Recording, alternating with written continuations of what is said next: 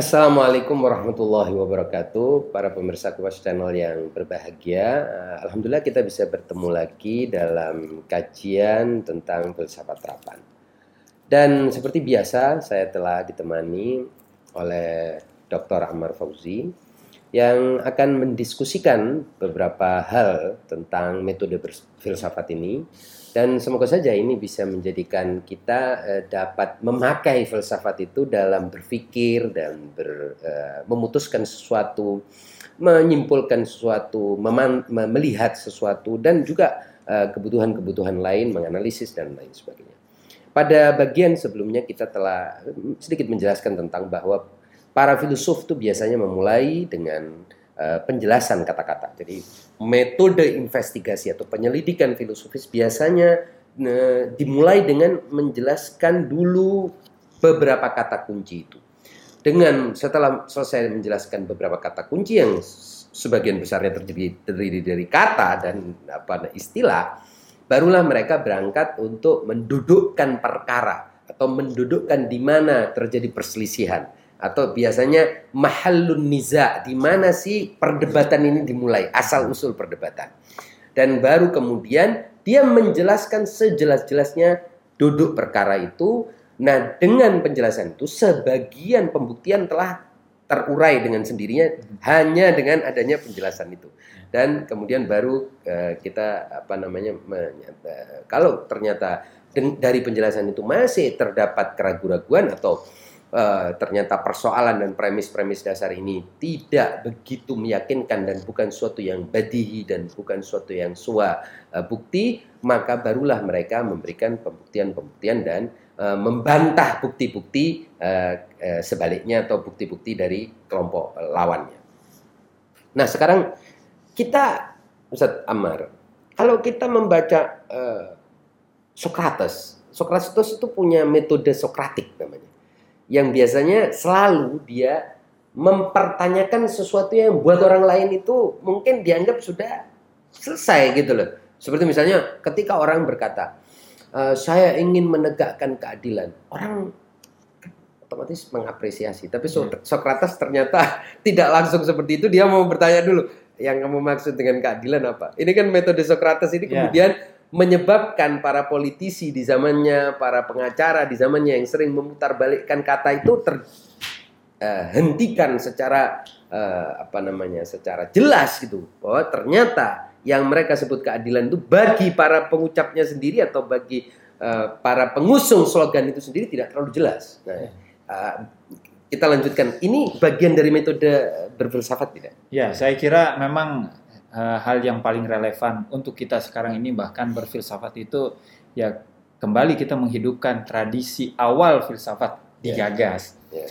yaitu tradisinya anamnesia kalau tidak salah istilah yeah. Latinnya eh, dari Socrates yaitu bagaimana profesi ibunya sendiri sebagai seorang bidan hmm. maka dia sendiri ingin menggali pengetahuan-pengetahuan yang terkandung dalam masing-masing uh, setiap orang. Kita tahu dalam uh, kita tidak ada tidak memperoleh uh, warisan literatur dari uh, Socrates. Yeah. Yang ada adalah dialog-dialog uh, yang dicatat oleh Plato sendiri. Yeah. Disebutkan di situ betul-betul dialog, yakni uh, bukan hanya dia sendiri, uh -huh. tapi juga ada peserta-peserta yang lain yang uh -huh. yang hadir di situ dengan beragam uh, profesi dan latar belakang. Ya. Nah, dialog itu hanya akan berlangsung kalau ada uh, tanya jawab, ya, uh, saling memberi dan saling terbuka tentunya. Uh, yang paling mendasar yang kita temukan dari Plato, uh, hmm, uh, metode yang digunakan yaitu metode dialektik. Ya, ya. dialektik. Ya, di mana di beliau memulai dari pertanyaan apakah. -huh. ya, yang paling tren saat itu berkembang di kalangan politi, politisi di Yunani di Athena yaitu tentang keadilan dan itu tertuang dalam uh, republik. Republik sendiri artinya kadang-kadang diartikan keadilan atau manusia adil oleh W. Guthrie. Nah, kita kembali ke Socrates ini. Sebetulnya yang ingin dilakukan oleh Socrates yaitu dengan pertanyaan tadi, pertama-tama ingin meyakinkan kepada semua orang bahwa kita semua tidak tahu ternyata begitu. Mm-mm. Ini kesadaran yang saya kira mutlak harus di sepenuhnya di, di dipastikan Mm. ada pada kita bahwa kita Dalam tidak kita berfilsafat ya. Ya. untuk berfilsafat dan mencapai kebenaran Ya. sejauh yang bisa ditempuh oleh manusia yaitu berawal dari kesadaran bahwa kita tidak tahu atau dalam bahasa filsafat Islam jahlul basit Mm-mm. jahal kebodohan ketidaktahuan sederhana. Yaitu kesadaran manusia kesadaran diri sendiri bahwa aku tidak tahu. Karena dengan kesadaran inilah bahwa kita, eh, ada peluang kita mencari tahu.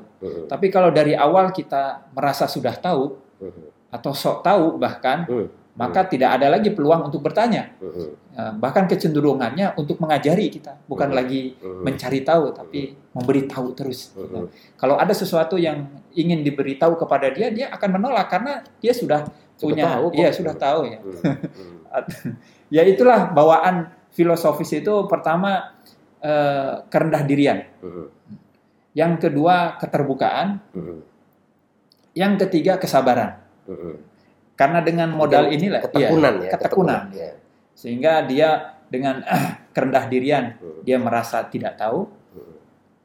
dengan yang kedua yaitu Sabar. keterbukaan Mm. ya kerendah dirian maka dia bertanya dengan Ya. keterbukaan dia bisa Menyerap. menerima Mm. ya dengan yang ketiga tadi itu ketekunan dia akan terus melanjutkan proses ya, ini proses tadi Mm. ketidakpuasan tadi untuk lebih sempurna dan lebih sempurna dan ini saya kira yang harus kita bangun sekarang dengan metode dialektik eh, Hmm. filosofis Hmm. Socrates menarik sekali Ustaz. nah yang berkembang kemudian kita bisa lihat bahwa dengan cara berpikir Sokratik itu eh, maka orang akan menemukan fundamen-fundamen sesuatu substansi-substansi Substansi. persoalan jadi tidak lagi terkacaukan oleh eh, tampilan-tampilan yang ada di muka ini, tapi dia mencari, menyelidiki sampai ke dalam-dalam sesuatu. Ini yang sering kali orang itu tertipu oleh eh, yang tampil, ya kan, Ya. atau yang disebut dengan kulit-kulit masalah. Jadi orang itu suka terkecoh oleh kembangan-kembangan, kulit-kulit, Ya. lapisan-lapisan luar, tapi tidak pernah mau menerobos masuk ke dalam. Nah, filsafatnya berusaha untuk menerobos masuk ke dalam.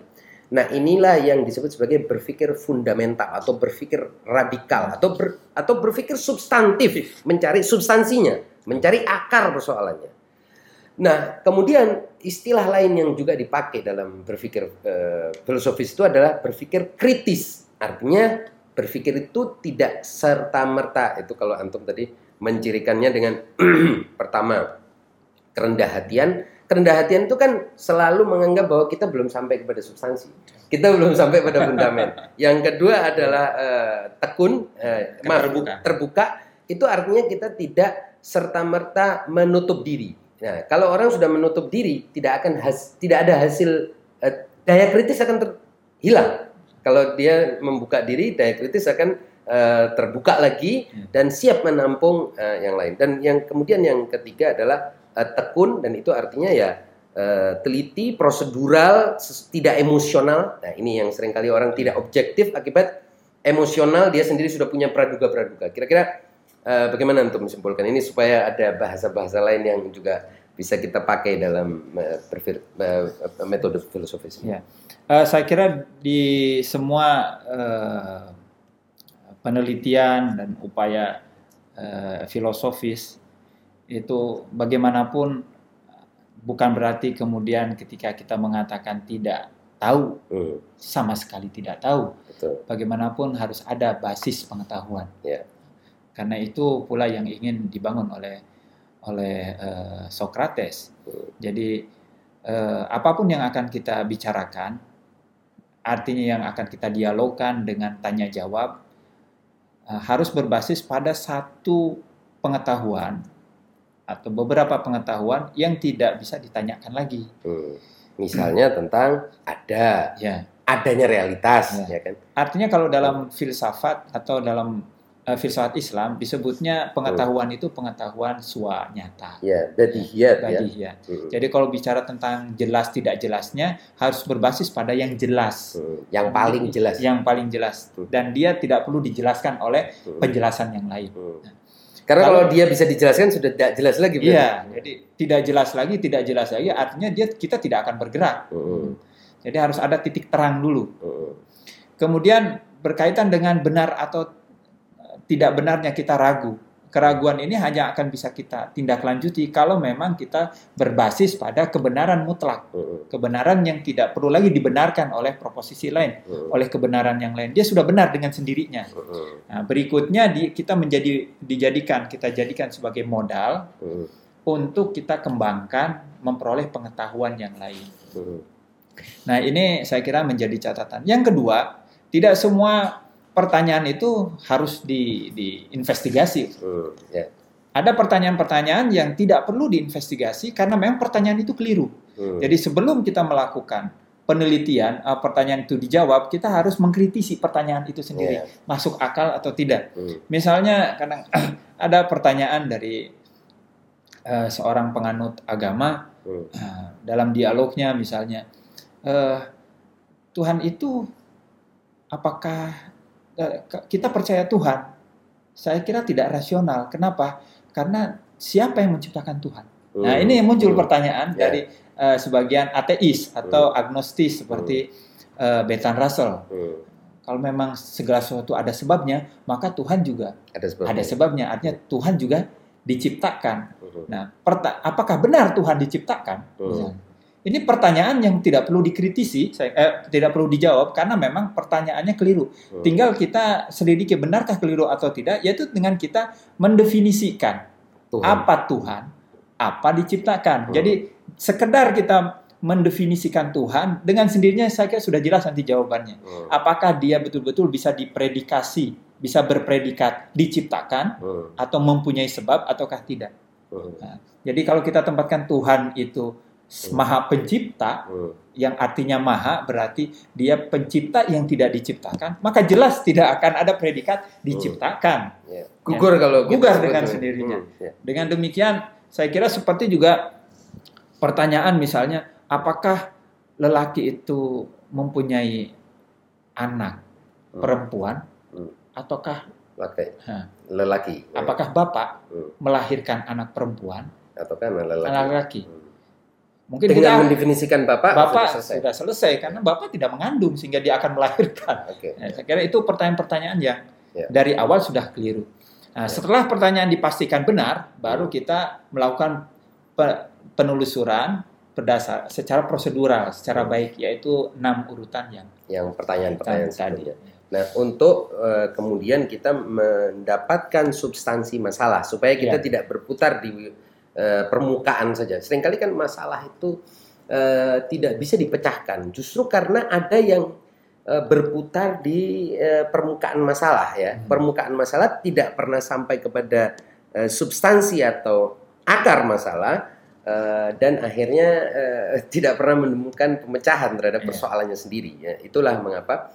Dan ini biasanya Ustaz, Iya. kalau dalam hmm, apa namanya kenyataannya, dalam kenyataan kehidupan itu biasanya karena memang manusia itu tidak mau juga menjawab. Karena kalau terjawab berarti kelemahan dia terekspos misalnya atau kebohongan dia terekspos Hmm. misalnya atau suatu eh, kepentingan dia akan terganggu dan memang ada orang yang menciptakan eh, apa eh, kembangan-kembangan lapis-lapisan luar ini segala macam dalam rangka untuk menjaga kepentingannya eh, menutupi aib-aib dan kekurangannya dan yang lebih parah lagi sebetulnya karena memang sombong ya, tidak punya keren- kerendahan hati. Nah, memang akhirnya kita menemukan bahwa ternyata filsafat itu juga terkait juga dengan etika, kebersihan jiwa dan lain sebagainya iya. dan tidak serta merta hanya urusan akal. Eh. Ini bagaimana tanggapannya? Iya. Saya kira memang eh, dalam eh, filsafat me- eh, satu seni pendidikan yang eh, menumbuhkan nilai-nilai moral. Ya. Tadi selain eh, apa kerendah hatian, keterbukaan dan kesabaran, Hmm. tentu juga tiga faktor ini tadi ini bisa Kejujuran, ya secara bisa minimal menekan eh, nafsu kita untuk segera merespon. Ya. Kadang-kadang kita dalam eh, membuat apa ya komen-komen Mm. ingin segera lebih dulu Mm-mm. atau kita yang eh, di bergerak di bidang jurnalisme Mm-mm. ya reportasi kita ingin menampilkan mempublikasikan Berita. secara lebih cepat Mm. padahal se- seharusnya harus dilakukan investigasi sesuai dengan semangat yang ada dalam Al-Qur'an ya Hmm. yaitu tabayyun. Mm. Eh, ini hal-hal yang saya kira eh, perlu ditingkatkan Hmm. sensitivitas atau naluri filsafat kita yang memang Hmm. sudah dibekali sejak kita masih kecil. Ya, oleh sebab itu karena eh, sejumlah filsuf mengatakan bahwa memang filsafat itu memiliki dampak terapatik, dampak menyembuhkan juga yang sebetulnya penyakit-penyakit Penyakit. jiwa sendiri, penyakit-penyakit diri manusia sendiri itu Iya. akan tersembuhkan apabila kita menggunakan metode filsafat yang benar itu. Iya. Saya kira eh, yang juga tidak kalah pentingnya, saya kebetulan eh, alhamdulillah kita pernah belajar filsafat ya. Ketika seorang guru men- menjelaskan sesuatu, suatu teori itu biasanya kita akan mengira, oh inilah teori yang dipegang oleh guru itu.